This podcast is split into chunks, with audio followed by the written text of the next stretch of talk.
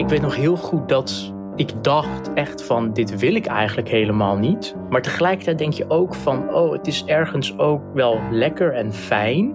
Dus je komt in een soort verwarrende toestand terecht. En ik weet nog heel goed dat er een punt was toen ik dus al zo ver was dat ik dan dus al echt seks met haar had. Dat er dus een punt was dat ik bij mezelf echt dacht van, maar dit wil ik niet eigenlijk. Ik had echt het gevoel, en het klinkt heel onrespectvol, maar ik had echt het gevoel van, ik moet eigenlijk over mijn nek gaan.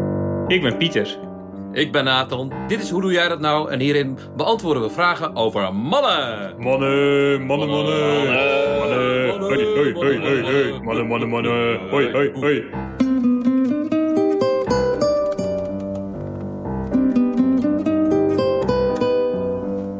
Hey Pieter, hoe is het? Hey Nathan. Ja, dat is goed. Ik ben, ehm, deze week zijn de scholen van al, alle kinderen weer begonnen. Vorige week is de oudste voor het eerst naar de middelbare school gegaan. Ja. En ehm, dat is natuurlijk een grote stap. Voor haar of voor jou? Ja, dat is heel raar. Ook omdat zij natuurlijk nou te maken... Ja, ze wordt puur. Dus ja, hoe gaat Hoe ze je zich houden tot, tot, tot eh, bijvoorbeeld jongens en tot vriendschappen en in eh, liefde en seksualiteit en ja, dat zijn toch wel, zeg maar, de serieuze vragen komen nu wel eh, op. En wat zegt jouw vader hart? Wat, wat, wat, hoe resoneert dat bij jou? Nou, ik, ja, mij resoneert vooral oh, dat ik haar heel veel plezier gun en ook, ehm, ja, gewoon heel veel plezier eigenlijk en he- weinig Mhm. schuldgevoel en gewoon dat zij, ja, vanuit haar wil lekker kan, ja, experimenteren met, met Ja. vriendschappen, met liefde. Ja, dat soort dingen.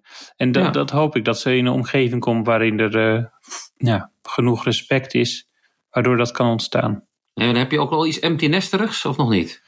Nou, ik, eh, ja, maar dat heb ik al heel lang. Al vanaf dat ze negen was, dacht ik, damn, misschien ben ik al over de helft van dat ze in huis woont bij ons, weet je wel. Dus eh, ik voel heel vaak die drang. Oh ja, het is nog maar een stuk of vijf of zes vakanties Mhm. dat ze met ons meegaat.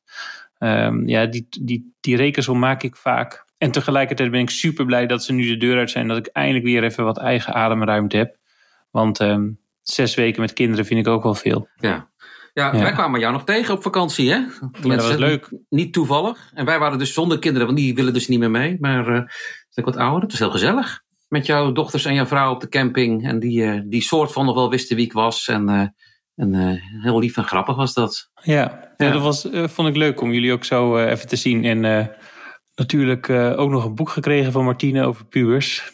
Ja, Ehm, Martine dus is dat- mijn vrouw, luisteraars. Die schrijft over pubers of publiceert over pubers. Ja, ja daar zit Ja, je dus- nu in. Ja. Ja. dus dat is heel leuk. En, ja, en ik heb heel erg van de kinderen genoten. En soms als ik ze zat ben, dan ja, gaat er toch ook wel een soort...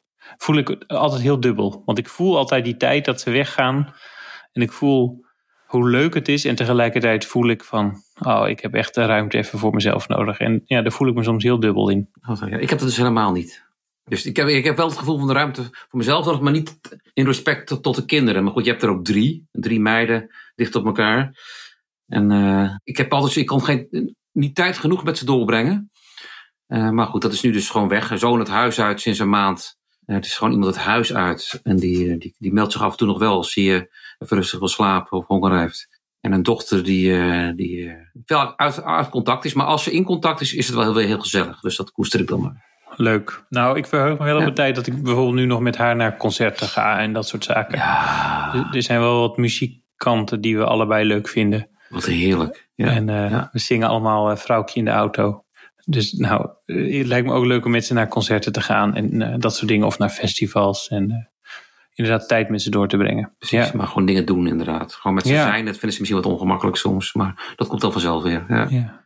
Maar mis jij ze als je op vakantie bent? Nou, het was dit jaar voor het eerst. We gaan natuurlijk wel vaak weekendjes weg. We zijn ook wel eens een week weg geweest zonder ze. Maar nu echt, echt. Jan ging er sowieso niet mee. Die ging backpacken. Dus er was sowieso geen sprake van. En Leonor, die hebben we meegenomen. Maar een week lang in Engeland heel veel dingen gedaan. Die zij leuk vond. Beatles dingen, eh, Harry Potter dingen. Ze is 16 hè. En toen hebben we op de trein gezet. En toen met z'n tweeën, ja, dat was toch, ja, als je het weet, dan is het prima. Dan mis je ze ook niet. En dan maak je er zelf het beste van. En dan zie je de voordelen ook wel. Dat je wel dat stadje kan bezoeken in plaats van mopperige kinderen achter je. En lekker kan eh, pimpelen smiddags eh, zonder rekening te houden met. Dus eh, op vakantie heb ik ze niet zo gemist. En nu thuis.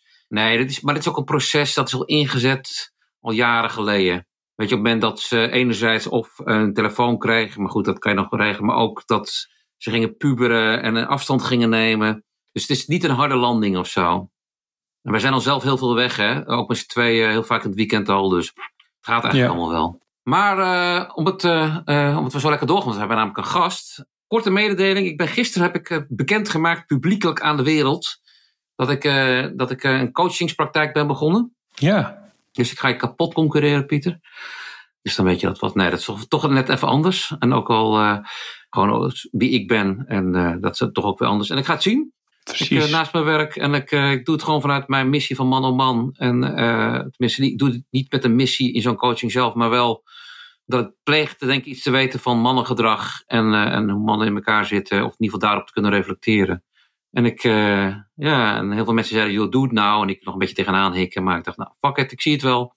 De deur staat open en eh, wie weet melden ze zich wel. Superleuk. Ja, Nou, dat komt zeker. Dat komt zeker. ja. Ja, wat leuk. En, ehm, en je richt je dus inderdaad wel op mannen. Maar vrouwen zijn ook welkom. Zeer, zeer. Als ze met mannen te maken hebben, zeker. En dat zijn er ook wel een paar, heb ik begrepen. Dus eh, nee, het maakt me eigenlijk niet zo heel veel uit. Alleen ik denk, ja, je moet ook een beetje een niche zoeken. eh, en ik denk, eh, eh, eh, mannen, dat is, daar is gewoon meer te doen. Nou, dat is het hele idee dat van deze podcast ook. Ja, Maar eh, nee, ik zal, ik zal niet snel eh, iemand eh, de deur wijzen omdat het een vrouw is. Eh, helemaal niet. Maar eh, laat ze eens maar eens komen. Gaat zien. nou, ik ben benieuwd. Ja, Dus, en ik, eh, ik moet woon het zelf leuk vinden. En anders Ja. niet. Dan doe ik het niet. Ja. En eh, ga je het eh, live doen? Heb je een praktijk, zeg maar, dat je mensen bij jou langs moeten komen? Ja, ik heb een ruimte, die deel ik met een psycholoog. Die ik eh, onlangs heb leren kennen. Die heel leuk is en heel nuchter. En die heeft eh, een ruimte in Amsterdam-Oost. Is ook niet ver van mijn eh, eigenlijke werk, daar op de hogeschool. Dus daar ga ik dan op, als er coaches zijn, ga ik, daar, ga ik daar zitten. Maar het zou ook online of in Ermelo kunnen. Niet hier bij mij thuis, dat vooralsnog niet. Dus ik, ik kijk wel, ik zie het wel. Wat het beste werkt. En het kan best zijn dat ik over een half jaar denk, eh ga het heel anders doen. Maar eerst maar eens gewoon, eerst maar eens gewoon een paar keer leuke, leuke sessies maken en doen. Waar kunnen mensen heen? Even wat reclame maken. eh, waar kunnen mensen heen? Www.manoman.nl Oké. www.manoman.nl slash hulp. Ja, ik ben nog te bescheiden hierin. Daar vind je ook de coach. Of nathanvos.nl, die, die klikt gewoon lekker door. Dus nathanvos.nl of manoman.nl. Dus dat is leuk en daar kijk ik naar uit. En het andere is, op het moment dat deze podcast uitgezonden wordt, dan heb ik net een, een, een leuk verhaal gehouden voor eh 1 en 3 suïcidepreventie. Want die zijn net een campagne, eh, mogen ze beginnen, nee, een onderzoek naar suïcide onder mannen tussen de 40 en 70. Dat is natuurlijk helemaal niet leuk, maar het is wel heel belangrijk. Zet ik al jaren voor in. En ze hebben Poen en ze hebben eh, agenda. En eh, de volgende week is daar de volgende week, als je dit horen, eerder gisteren, is daar een soort van kick-off van. En eh daar mag ik ook iets zeggen. En dan ga ik een eh, hele verhandeling houden over de polariteit van de man. Wat die is en eh, wat dat voor effecten kan hebben. Dus dat is een leuk theorietje wat ik heb zo in de loop der jaren bij elkaar heb verzameld.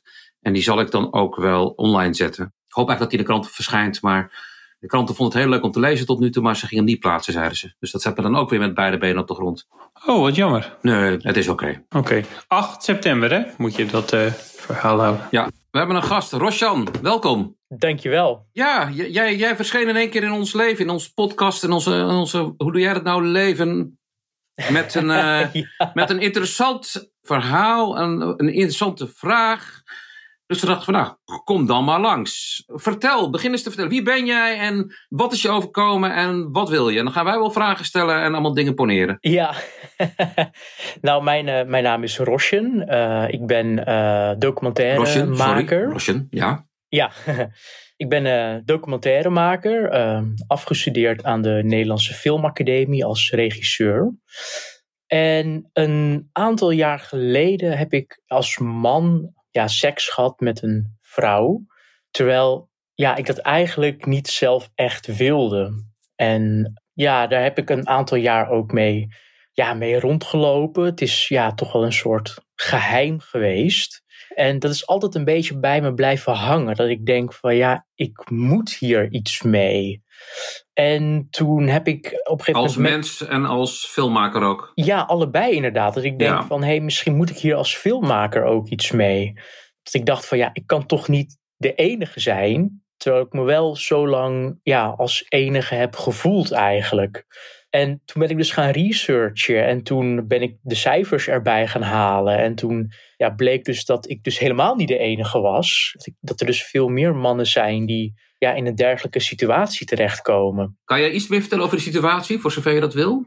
Dat we een beetje een beeld krijgen? Ja, nee, absoluut. Ja, het gebeurde een aantal jaar geleden. Het was met een ja, goede, goede vriendin. En ik voelde al een tijdje dat ze mij ja, leuk vond. Maar Mhm. ja, ik vond haar niet leuk. Maar goed, dat was voor mij natuurlijk nooit een reden om het contact meteen af te kappen. Ik bedoel, we gingen heel oké met elkaar om. En op een gegeven moment toen ehm, was er een moment, we spraken af. En ze vroeg nog aan het eind van de avond van, wil je bij me binnenkomen? En ik dacht van, ja, sure, why not, weet je wel. Ik bedoel, gezellig drankje, kan, Mhm. geen, kan helemaal geen kwaad. En ja, binnen op een gegeven moment toen ehm, ja, begon ze aan me te zitten. En op een gegeven moment kom je dan in een soort verwarrende toestand terecht. Omdat ik weet nog heel goed dat ik dacht echt van dit wil ik eigenlijk helemaal niet. Maar tegelijkertijd denk je ook van oh, het is ergens ook wel lekker en fijn.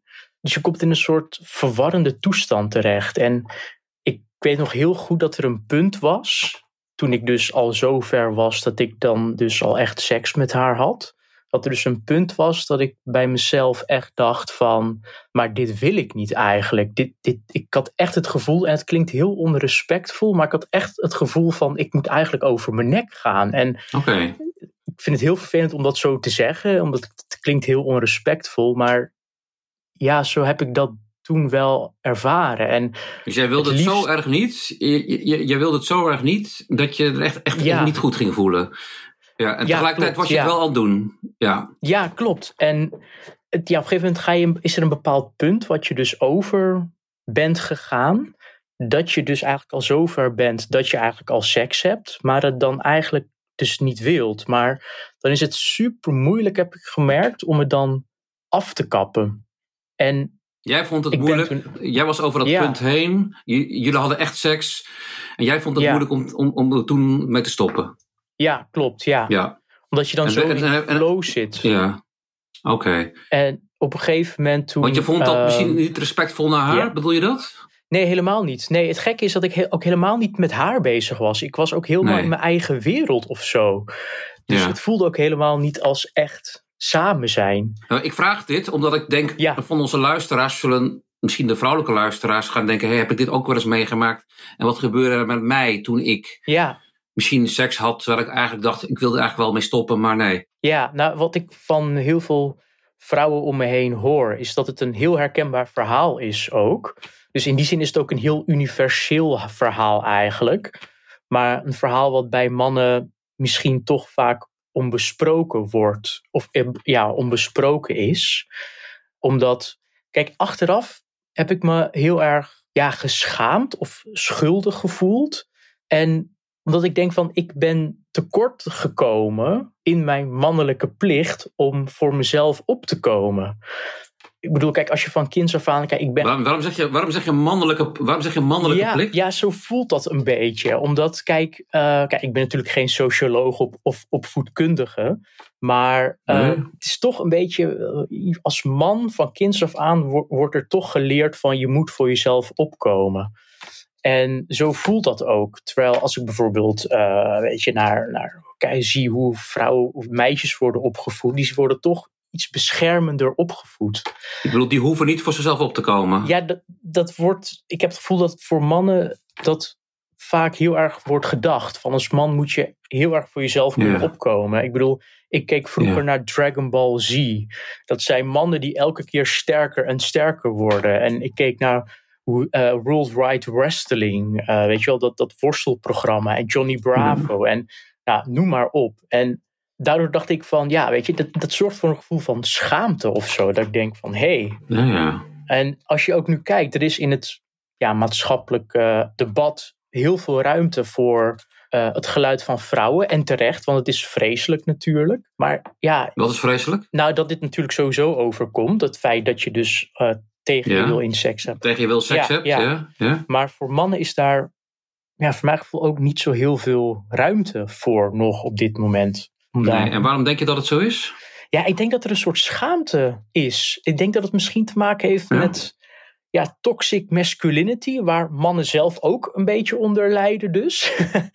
dus toch een... Hm, Zeker. ehm, ja, juist omdat er zo'n schaamte eh op heerst. hè. Kijk, als man kun je... En, en die schaamte is dan dat je niet in controle was als man. Dat nou, je, ja, kijk, weet je, kijk, eh, je kan natuurlijk zeggen van als man ben je vaak, niet altijd, maar dan ben je vaak fysiek ook sterker. Dus mensen hebben al heel gauw zoiets van, of daar ben je dan bang voor dat mensen dat denken. Die mensen kunnen dan gauw denken van ja, je kan diegene dan toch van je afduwen. Die reactie heb ik ook gehad van ja, maar waarom duwde je haar gewoon niet van je, van je weg? Ik bedoel, je bent zoveel sterker. En dat, ja. Nou, Ja, ik kon het niet. De, de waarom weet ik ook niet. Ik heb er heel veel over gelezen. De flight and freeze reactie. Of misschien deed ik het Ja. omdat ik wilde voldoen aan een bepaald stoer mannenbeeld. Kijk, dat weet ik niet. Dat het- dus, dus als, ik het, als ik het goed begrijp, dat moment was onprettig toen en achteraf ook onprettig. En dat heeft je eigenlijk gefascineerd. Ja, Waar je denkt, hey, waar, waarom ging ik, kroop ik toen niet onder de van wat dan ook? Waarom stopte ik er toen niet mee? klopt. En waarom is dit een ingewikkeld onderwerp Ja, klopt. Ik, eigenlijk? ik heb ja, dus- Waarom kunnen we niet zoveel mee? Omdat het, omdat het schaamte op zit en die daar misschien heel moeilijk een oordeel van fout, goed, je had dit moeten doen en dat moeten doen. Dat, dat weten we niet zo goed. precies. Sterk- dat? sterker nog, het En dat heet, wil je onderzoeken. ja, het heet dus het look- lucky boy fenomeen. Dat is dus een term die ik van een aantal therapeuten heb gehoord. Lucky boy. Ja, Ja, Het, het filmplan heet ook Lucky Boy. En dat is dus Ja. de term die wordt gebruikt eh, wanneer mannen tegen hun wil in seks hebben gehad met een vrouw. Wat voor de man een hele nare ervaring is, maar waarvan de omgeving dan zegt van, ja, maar je moet toch blij zijn, je hebt toch seks gehad. Je bent toch een lucky boy. Nou, dat is dus het lucky boy fenomeen. En dat wil jij onderzoeken in je documentaire. Met mannen die dat ook hebben Ja, meegemaakt. klopt. En dat zijn dus zeg maar echt vilsbekwame volwassen mannen. Hè? We kennen ook het verhaal van de kindermisbruik. Of, eh, weet je, maar dat is dus waar het niet over gaat. Ook niet over, eh, eh, weet je wel, als je als kind eh, door de Dan gaat het over macht eigenlijk, hè? Ja, dan gaat het echt over je bent weerloos als klein kind. Je kon er niks aan doen. Maar het wrange is, is dat je hier in deze situatie er feitelijk gezien wel wat aan kon doen. Door gewoon te zeggen, stop, ik wil niet. Maar op een of andere reden moment? kun je dat dus ook weer niet. En dat is het lucky boy fenomeen. Dat is waar het, ja, waar het om gaat. Oké. Dat wordt ook altijd geroepen als een eh, lerares een affaire heeft gehad met een leerling en die lerares wordt veroordeeld. Dan lees je die reacties ook altijd van, eh, oh, ik wou dat mijn lerares Ja, was. precies dat. En, Ja. eh, dus jij, jij hebt het niet echt ervaren als, als dat jij aangerand of verkracht bent, maar jij bent aan het onderzoeken wat er gebeurt in jouw hoofd, zeg maar. Klopt, ja. En het is Klopt dat? heel goed dat je het zegt. Het is dus ook geen verkrachting, omdat in die zin, het is niet zo dat ik eh, van mijn, eh, dat ik fysiek werd overmeesterd. Ik heb die verhalen ook in de research gehoord over een man die door een groep vrouwen is overmeesterd. Maar ook dan kan de man er helemaal niks aan doen, want dan is het overmacht. En dat is nou het wrange bij de Lucky Boys, dat het dus eigenlijk geen overmacht is. Je had er wat aan kunnen doen, maar dat kon je op om, om wat voor reden dan ook, heb je dat niet gedaan. En daarom ligt er ook zo'n grote schaamte op achteraf, omdat mannen denken van ja, weet je, ik, ik, ik had degene van me af kunnen duwen. En weet je, dus dat maakt het zo lastig. Dus het gaat niet over het trauma wat het eventueel bij die mannen heeft veroorzaakt. Het gaat echt over, hey, hoe werkt dat dan? Ja, de documentaire gaat eigenlijk echt van welke reis maken deze mannen dan mee in hun hoofd? En vooral, Precies. waarom is het zo moeilijk om daarover te praten? Dat is eigenlijk waar de, waar de documentaire over Ja, gaat. hun lijf, hun lijf was, in ieder geval in jouw geval, het lijf was helder. Het lijf zei, ik wil dit niet. Klopt. Tenminste, ja. Nou ja, het, het hoofd een, deel vooral. van het, een deel van het lijf misschien ook weer wel. Ja, klopt. Ja, Ja, ja. want je krijgt wel een erectie, Ja. dus je kan wel gewoon vrijen. Maar Ja. ja, het, het, het hoofd zei, zei Ja. wat anders. Ik heb in een vorige podcast heb ik, eh, een keer iemand gesproken die hier therapeut was en ook, ook, ook, ook, ook slachtoffer, mannelijke slachtoffers van, eh, van seksueel geweld, eh Ja. zijn gedrag. Want hij zei van dat het heel ingewikkeld is bij jongens bijvoorbeeld die dan seks hebben gehad met, met, met mannen, mannen met mannen die dat niet wilden. Dat er altijd werd, ja, maar je had wel een erectie. Ja, maar je, je kwam wel klaar. Ja, Dus je wilde het. Ja. Ja, en dat, dat, en, eh, dus dat is, dat is dan die schaamte waar je het dan ook over hebt. Van ja, heel, heel incongruent, denk ik, voor, Nou ja, een, eh, voor een man. Zeker. Nou, Ja. Wat ik inderdaad, inderdaad uit de research heb geleerd, is dat dat ook voor heel veel verwarring zorgt hè, voor mannen. Omdat als man, ja, je bereikt dan wel een hoogtepunt en dan denk je van, hè, hoe kan dat?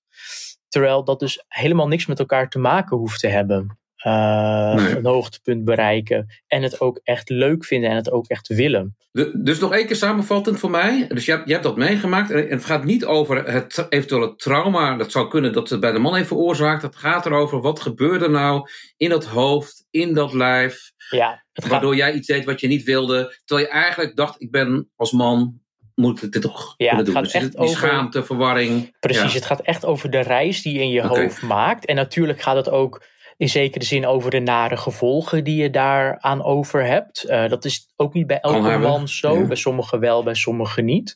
Maar het gaat heel erg inderdaad over welke reis maak je in je hoofd door. Eh, wat is er gebeurd? Hoe reageerde ook de omgeving? Ehm, waar was je bang voor? Hoe dacht je dat de omgeving zou reageren?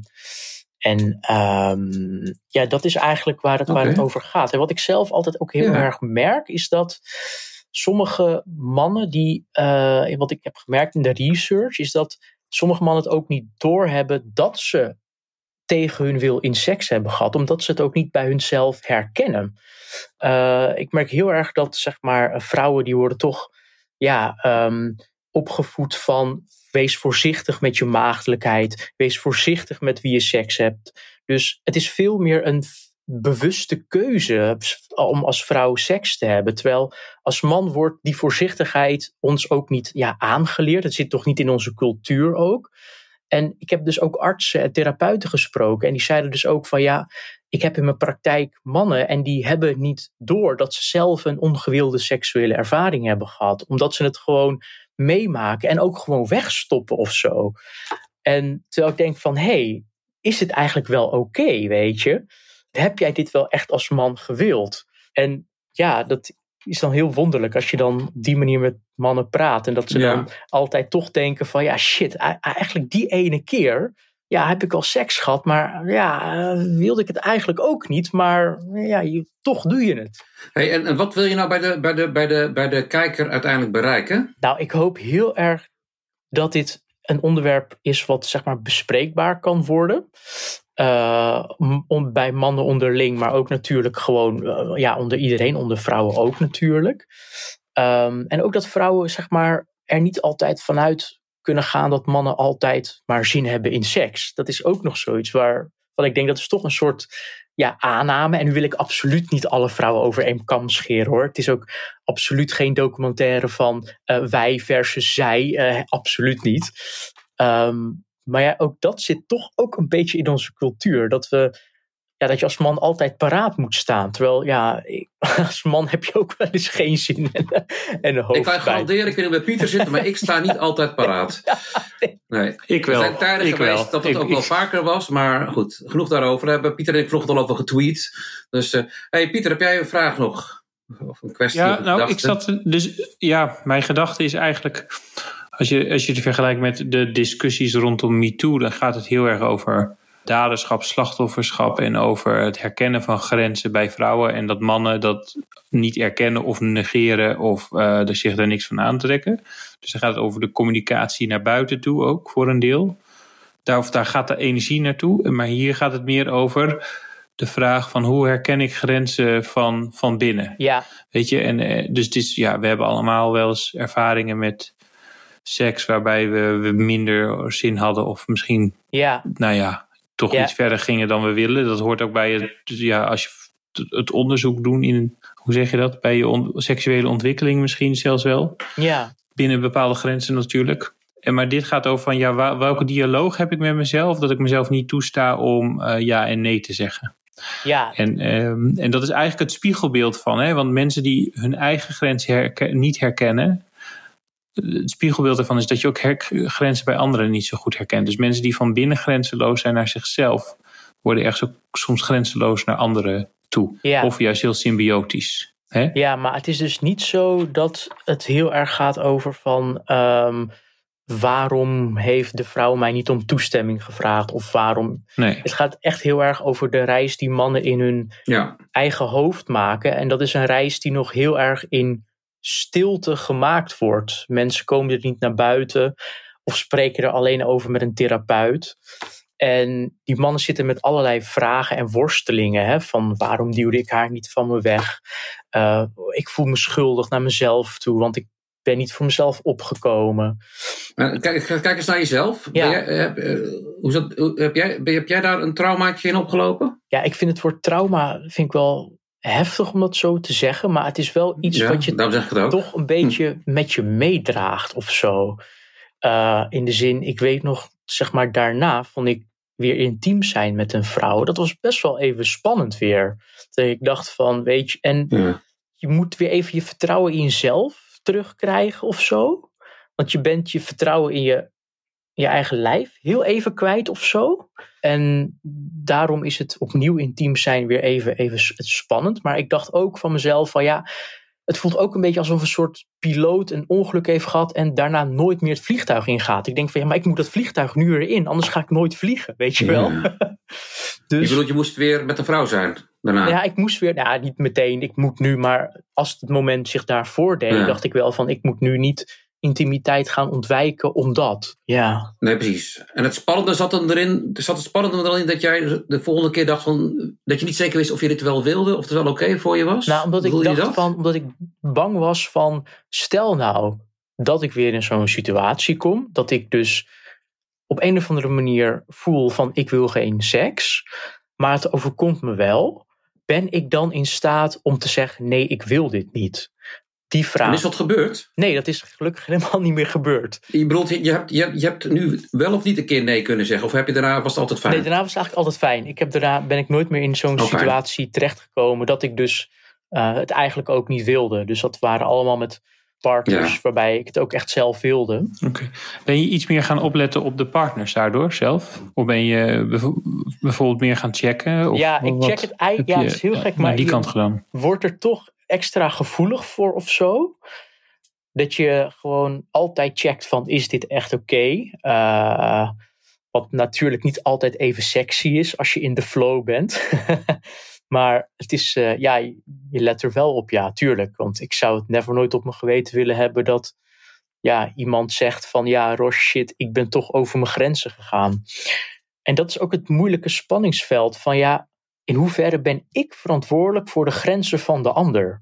Het is een heel grijs gebied. En dat is ook waar de documentaire zich op richt, op dat grijze gebied van ja, hoe verre ben ik verantwoordelijk voor de, de grens van de ander? Want feitelijk vind ik ook van ja, iedereen is verantwoordelijk voor zijn of haar eigen grens. Um, Maar ja, je ligt dan te krioelen op de bank met een kaarsje aan, met een hele voorgeschiedenis. En dan wordt het lastig met die grenzen misschien wel. Ja, dat is het ook. Bedoel je dat niet? Ja, maar dat is op een bepaald punt. uh, Ja, je bent een bepaald punt over. En dan wordt het een soort vage. Ja, dan ben je een soort grens over. En het is ook lichamelijk heel fijn. Al die prikkels, al die. Het voelt lekker. Het is, het is zo'n. Seks is gewoon lekker. Het voelt lekker, weet je. En dat is. Ik heb het gehoord. Ja. Ja, dat maakt het ook heel moeilijk. Hey, ehm, jij zoekt mannen voor jouw documentaire. ja, klopt. Ehm want we zijn nu. Waar in- kunnen zij zich, mannen met zo'n soort ervaring, Lucky Boys, toch? Ja, ja, klopt.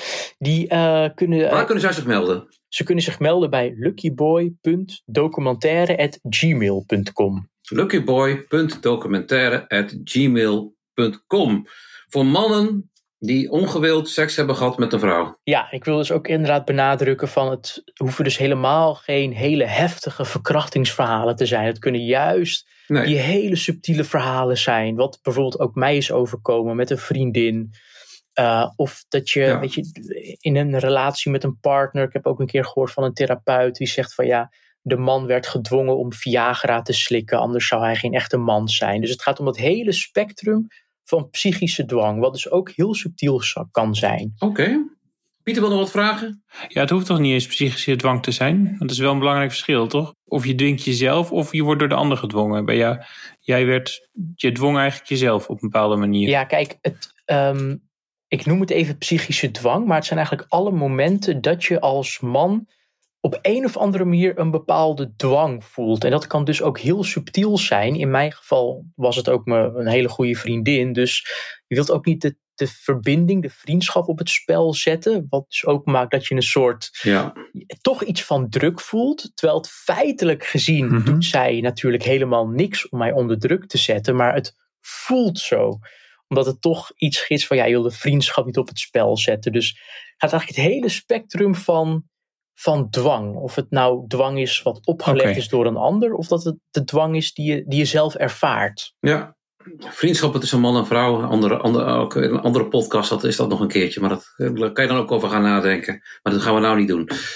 Oké, eh, oké, dankjewel. Hartstikke leuk. Dankjewel. Succes. Eh, we hopen dat er aanmeldingen komen. En we gaan door naar eh, een vraag van een, eh, van een kijkertje, zoals ze zeggen in onze collega-podcast. Hoi Nathan en Pieter, Madelon hier. Ik heb een vraag over mannen. Ik ben na mijn studie in de bouwsector gaan werken en daar viel het mij op dat in deze door, toch wel door mannen gedomineerde sector, zeker toen ik eh, begon met werken, dat als ik in een vergadering met een idee kwam, ja, dat er nou, soms niks op uit werd gedaan, maar dat later in de vergadering een van de mannen mijn idee inbracht, dat men daar dan enthousiast over was en dat iedereen vervolgens deed alsof het idee, het idee was van deze man. Ik dacht dat het aan mij lag, eh, omdat ik misschien te vroeg mijn punt inbracht in de vergadering of omdat ik te bij de hand was. Maar toen ik overstapte naar een iets andere sector, namelijk de energiesector, en kwam te werken in een bedrijf waar iets meer vrouwen werkten, en ik dus soms niet de enige vrouw was in de vergadering, maar er soms met nog een andere vrouw of met twee andere vrouwen zat, zag ik dat hen dit eigenlijk precies hetzelfde overkwam. Ook als zij pas later in de vergadering hun punt maakten. En dat eigenlijk precies hetzelfde mechanisme eh, weer begon te spelen. En nu vraag ik mij af, is dit iets typisch wat mannen doen eh, bij vrouwen? Want ik zie het ze eigenlijk nooit doen bij eh, andere mannen. Ehm, en waar ik ook benieuwd naar ben, ik heb natuurlijk nog nooit in een sector gewerkt waar alleen vrouwen werken en misschien een enkele man. Dus zou dit mechanisme omgekeerd uh, ook zo werken? Dus mijn vraag is: is dit overnemen van het idee en net doen alsof het het jouwe is, en dat jouw soortgenoten dit ook allemaal goed vinden, is dat typisch mannelijk? Of uh, ja, komt dit uh, andersom in een grote groep vrouwen met een enkele man ook voor? Uh, alvast bedankt voor jullie bespiegelingen. Moeilijke vraag. Nee hoor, vind ik niet. Nee? Nee. Ja, nee, ja moeilijk. Het, het, antwoord is heel makkelijk, laat ik het zo zeggen. Oh ja. Want het antwoord is nee. Nee, dus, dit is wat? Dit is niet nee. typisch mannelijk. Ik kan het zeggen, want ik, heb, ik werk in volledig vrouwelijke omgevingen. Uh, of grotendeels nu in het onderwijsniveau bij de tijdschriften, vrouwentijdschriften. En het is meer een kwestie van extravert en introvert. Dat is één. Uh, introvert, sorry. En dat is gelijkelijk over man en vrouw gedeeld. Dus er zijn ook gewoon stille mannen en stille vrouwen. Uh, dus dus uh, ik, in die vrouwelijke omgeving van mij uh, ja, uh, is het niet zo dat de mannen daar nog steeds de overhand hebben. het is wel zo dat mannen zich sneller laten horen in het algemeen. en dat mannen, tenminste dat vind, dat vind ik, maar daar moet jij maar iets op zeggen. Ook, ik heb het idee dat vrouwelijke loyaliteit wat explicieter is. Dus vrouwen ondersteunen elkaar. Of de relaties van vrouwen. Ja, loyaliteit van vrouwen is expliciet ook een negatieve zin. Dus ze kunnen elkaar ondersteunen. Uh, expliciet, maar ook elkaar laten vallen. Dus vrouwen zijn ook gemener. En bij mannen is de loyaliteit en de disloyaliteit, in zekere zin de relatie, implicieter. Dus mannen kunnen elkaar, bias met, zoals je hebt hoort van de glazen plafond, mannen kunnen elkaar stiekem heel erg steunen. Mm -hmm. En zullen elkaar uh, uh, dingen toeschuiven en zullen uh, vriendjes aannemen. En misschien ook wel eerder luisteren naar mannen. Ehm, maar het zit hem eigenlijk, het is eigenlijk meer in het geniep, de loyaliteit ja. van mannen. Dus wat zij meldt, haar ervaring zal kloppen, maar het zit hem dan meer in de branche, waar dan toevallig meer mannen werken. En dat geeft ze zelf ook aan, het zou een verklaring kunnen zijn. En dat versterkt elkaar dan dat het een mannelijk ding is. Ja. My 50 cents. Ja, precies. En ik, ik denk dat het wel, uh, wel, wel klopt. En ik denk dat het ook wel potent is om het ja, aan de hand van de, hoe zeg je dat, de persoonlijkheidstrekken te bekijken. Ja. En dan zie je wel dat de, bijvoorbeeld mannen zijn natuurlijk wel wat gemiddelder. Gemiddeld geloof ik bijvoorbeeld minder eh, agreeable. En ook extraverter. Dat laatste weet ik niet zeker, maar van die Nee, agreeable... zou- zou ik niet durven zeggen. Weet ik, weet ik wel dat, dat, niet, eh, dat, dat mannen gemiddeld minder agreeable zijn dan vrouwen.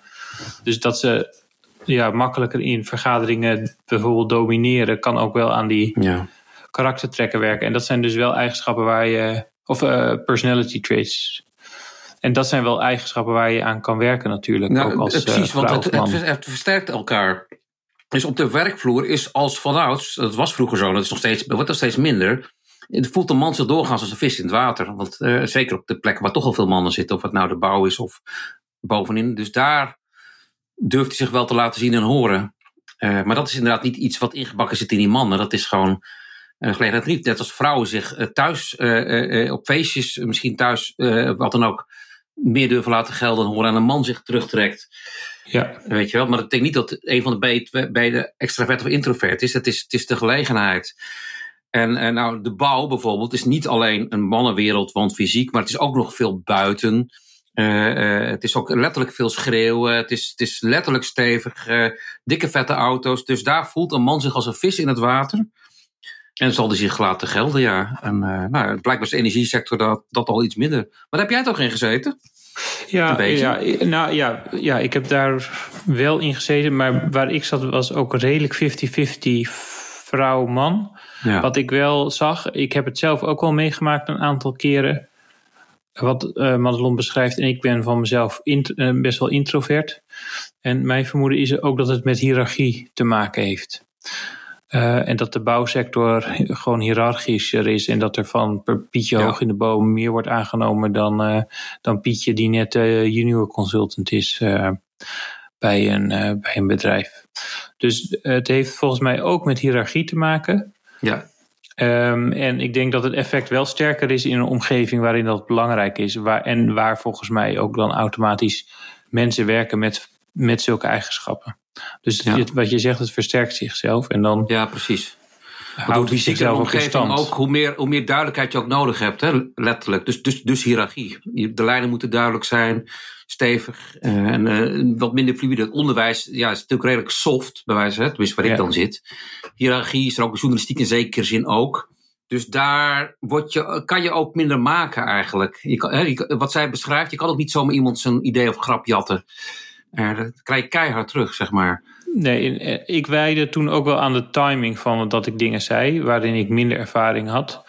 Ehm, en eh, ja, dus het gaat ook om de timing en hoe je, Ja. hoe je dingen zegt en op welke momenten je dingen zegt. Eh, en ook mensen, in, ik merk ook mensen zijn heel veel met zichzelf bezig in vergaderingen. Dus die horen de helft maar van wat er gezegd wordt eigenlijk.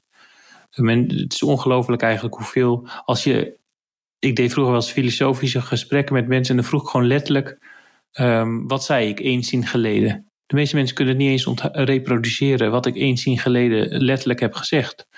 En dan terwijl ze wel erop reageren. Ze weten wel dat ze het oneens zijn, maar ze weten niet meer dat ik het, wat ik heb gezegd.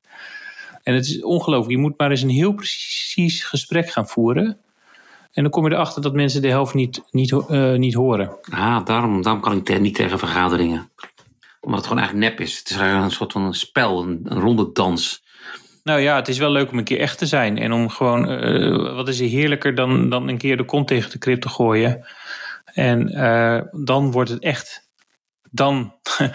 maar ik, dus ja. Maar het is dus mannelijk in die zin dat mannen het vaker doen, omdat er werkplekken Omdat de gelegenheid ervoor is. met eigenlijk. mannen zijn Ja. eh, dat wel doen. Maar het is niet iets wat eh, intrinsiek feminien of masculien is. Zo Dat denk ik ook niet. Nee. maar dat Nee. het selectiemechanisme zo is dat wel meer mannen doen. En dat, dat er door mannen gedomineerde werkplekken zijn. Waardoor, het, ja, waardoor je ook wel kan zeggen dat het iets mannelijks is. Maar Ja, het is wel. het zit niet in ons, per se. Nee, het is niet in ons. Het is aan te leren, Nee. af te leren. Trouwens, net zoals introversie, extraversie, er wordt wel van gezegd. Ik bedoel, dat ergens zit dat in je. Maar ergens eh, heeft iedereen ook de andere kant van die personality trait in zich. Ieder Ja. gezond functionerend mens kan extravert zijn, ook al is die introvert Ja, als er maar genoeg pij- pijn is om, eh, nood, om te je veranderen. wel. Naar buiten Ja. of naar binnen op een gegeven moment, ja. Ja. Eh, om aan deze, aan deze podcast toch een, een eind te draaien, gezien de tijd. We waren één vraag voor de volgende keer.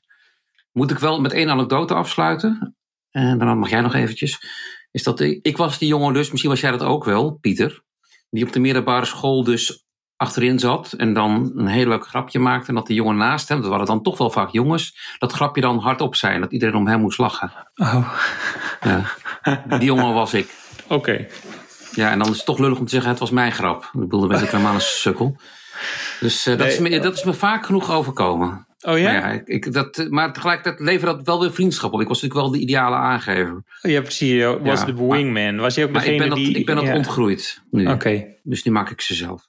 Hey, heb jij nog iets ter afsluiting? Oh, wat een goede vraag. Wat een snelle vraag ineens. Ehm, Ik ben ook, ik ben ook de host, hè? Dus eh, ja, ehm, dus ehm, wat ik merk is dat, dat, we, dat ik weer steeds meer de behoefte heb om ook in mijn persoonlijke relaties gewoon eh, me goed te verbinden met mensen. mhm.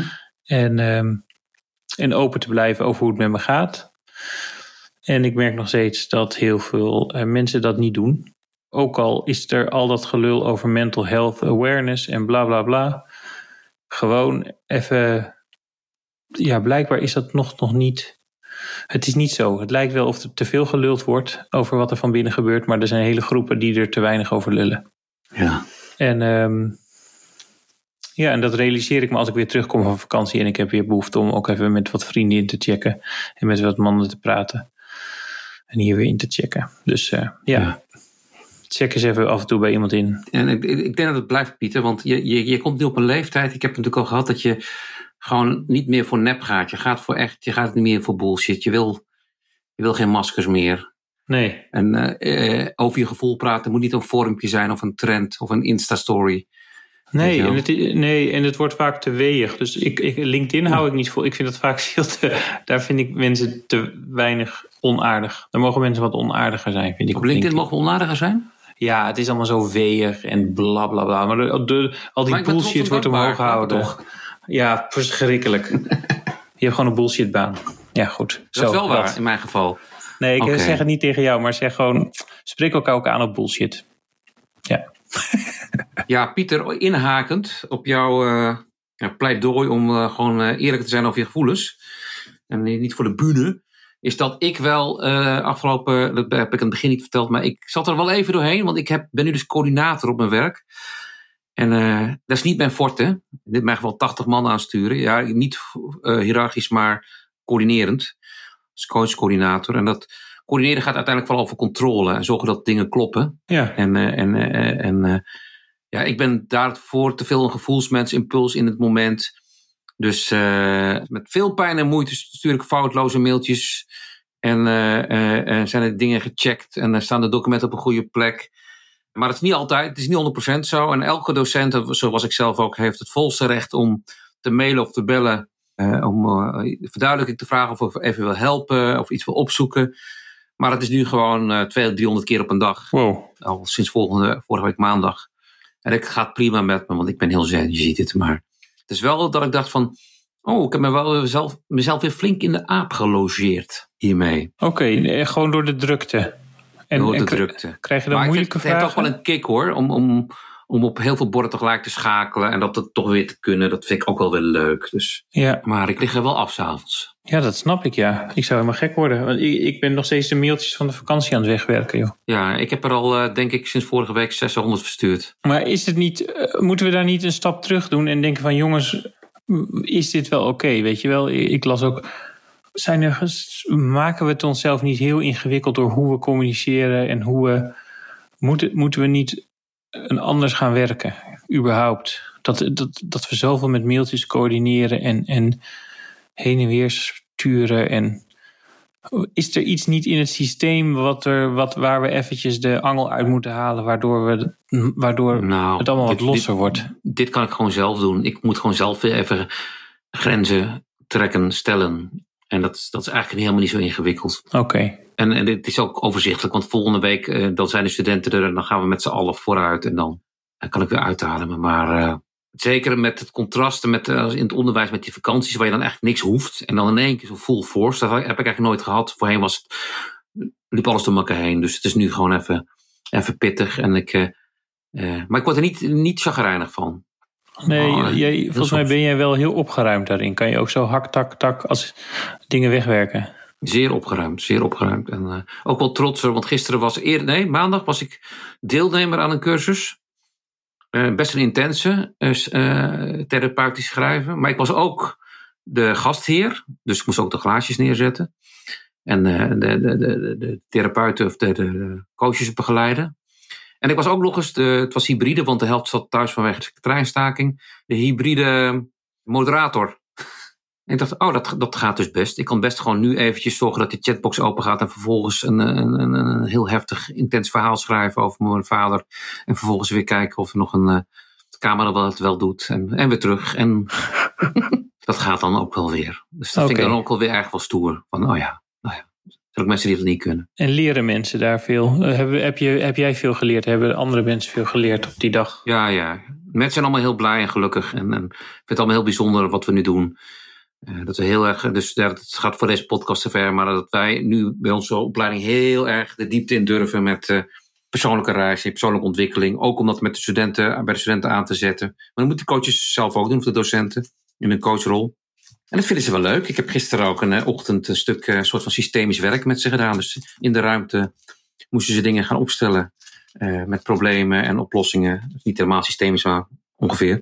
Ja. En uh, toen kregen ze door van, oh wacht, als je iets in de ruimte als een ervaring doet, in plaats van erover te praten, dan wordt het veel sneller duidelijk. Ja. Oh, nou fijn. Iedereen heel blij. Uh, iedereen vond het wel heel relaxed. Dus dat is eigenlijk ja. ook weer heel fijn. Leuk. Ik wou gaan mopperen, maar dat lukt weer niet. Ja, maar dit is toch hartstikke leuk om te doen. Ik, en hierin, het uitnodigen tot een persoonlijke reis, vind ik de balans tussen uh, dat het te serieus wordt en levendig. Dat het niet te serieus, dat het en serieus is, maar ook levendig. Want ik, ik merk bij veel trajecten dat het uh, te serieus wordt. En dan uh, serieus, ja, dat is misschien niet het goede woord, want er is niks mis met serieus. Maar te zwaar, waardoor de levendigheid eruit gaat. Ja, ik zeg dus de hele tijd tegen die collega's van mij, Nathan, hoe moet dat? Als ze dat dan vragen of zitten, dan heel erg op details willen doorvragen. En dan zeg ik, joh, als coach, in het algemeen, maar ook zeker hier, moet jij het gewoon een beetje lichter maken voor die ander. Een beetje lichter maken voor die student. De, linksom of rechtsom, zoals het bij jou past. Ontwar, ontwar het geheel, die arme adolescenten. Het is allemaal een brei en uh, paniek, fight, flight, freeze. Trek het een beetje uit elkaar en dan kunnen ze weer door. En dan moeten ze natuurlijk wel iets doen en zo, maar toch. En, uh, en, en, en, dus inderdaad die lichtheid erin houden. Dat is wat je te doen hebt. Oh, oké, okay, ja. dan valt wel mee. Ja. Dus ze hoeven niet te huilen. Nee, ze hoeven niet te huilen. En als ze, maar als ze huilen, je kan het ook als een cadeautje zien. Niet altijd, ja. dat kan. Nee. Ja, en je hoeft niet per se iets te doen met het huilen. Gewoon aanwezig nee. zijn. En nee, je mag ook soms... Uh, er zit, kan iemand ook lachen tijdens het huilen. En, uh, en dan als iemand dan ja. zegt, ja, maar ik voel weerstand. Dan begin, spring ik altijd op en zeg ik, ah, oh, I love weerstand. Dan kunnen we aan de slag. en dan moet altijd iedereen altijd wel een beetje lachen. Dus... Uh, Oké, okay, nou, nou dus leuk, gaat leuke wel. reis. Ja, dat gaat wel okay. leuk. Al die, al die mailtjes zijn zo, zo. Mailtjes, mailtjes stom. Hmm. Teams stom. Hmm. Teams stom, processen stom. Nee, ja, maar we hebben een werknemerstekort overal. En ik vind echt dat we ook moeten nadenken over hoe we ons werk inrichten. En of we niet te, ook te veel woorden aan het verplaatsen zijn van A naar B, van naar C naar D. Uh, volgens mij kan er nog heel veel energie bespaard worden daar. Zo is het. Oké, okay, daar ronden we mee af, Pieter. Maar nu echt. Oké, okay, ik uh, spreek je dan uh, snel. Ik spreek je snel. Oké, okay, joep. Doeg.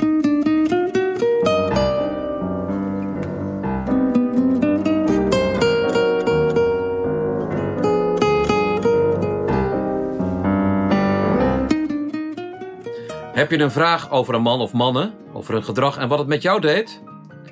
Mail hem dan naar hoe doe jij dat nou at gmail.com als audiobestand, maar je mag het ook lekker intikken. Of, en dat is het makkelijkste, spreek hem in op het nummer 06 82 34 80 74. 06 82 34 80 74. En je vindt deze informatie ook in onze show notes. Ik was Pieter. Ik was Nathan. En dit was de podcast Hoe doe jij dat nou? Waarin wij vragen beantwoorden over mannen. Mannen, mannen, mannen, mannen, mannen, mannen, mannen, mannen.